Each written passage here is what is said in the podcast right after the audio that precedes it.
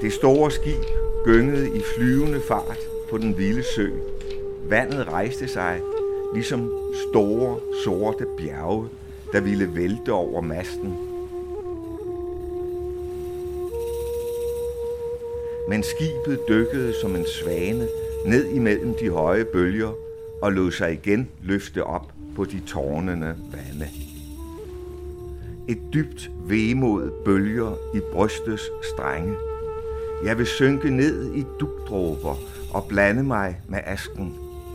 Erindringens fjerne egne, ungdommens håb, barndommens drømme, alle de korte glæder og forgæves ønsker i hele det lange liv kommer frem, klædt o godt som en aftentåge efter solens nedgang. Du lytter til Mod Fjerne Horisonter, en podcastserie produceret for den Hirsprungske Samling. Her skal du høre historien om den kontroversielle danske marinemaler Anton Melby, der i år vil være fyldt 200 år. Vi skal fra København til Konstantinopel i forsøget på at nærme os kunstneren, der blev hyldet i sin samtid, men som efter sin død blev så godt som glemt. Det her er seriens første afsnit, og nu skal du møde direktør for den Hirsprungske Samling, Gertrud Ølsner. Anton Melby blev født i København, men familien flytter til Helsingør, hvor han vokser op, og hvor også hans to brødre er født. Og Helsingør ligger jo i ved et tæt befærdet stræde, Øresund. Så jeg forestiller mig, at han har haft en række skibe passerende lige udenfor, for der hvor de boede, som han har kunne jagtage, og på den måde har han måske også fattet interesse for skibene og havet som motiv.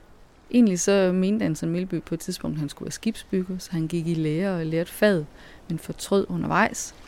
Og dels så var han en meget, meget dygtig musiker, så i en lang periode drømte han egentlig, egentlig også om at forfølge det som karrieremulighed. Men på et tidspunkt så besluttede han sig alligevel for at søge ind på Kunstakademiet, og han kom i kontakt med Eggersberg og blev uddannet der.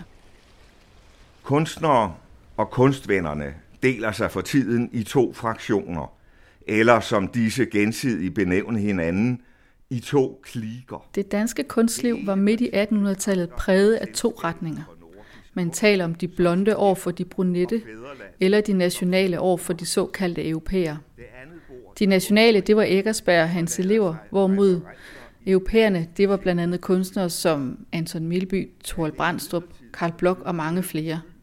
Det var en løs sammensat gruppe af kunstnere, som havde det til fælles, at de orienterede sig mod det internationale kunstliv.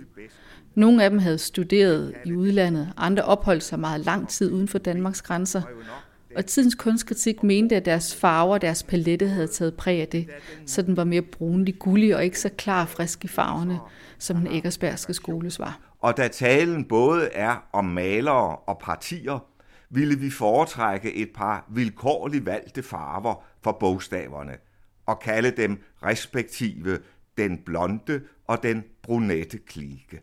Den danske kunstkritik havde gennemgående lidt svært ved sådan at acceptere Melbys måde at male på. Og det skyldes, at han ofte sådan malede mere dramatisk, end man var vant til for tidens øvrige kunstnere. Og især for den tradition, der udgik fra Eggersberg.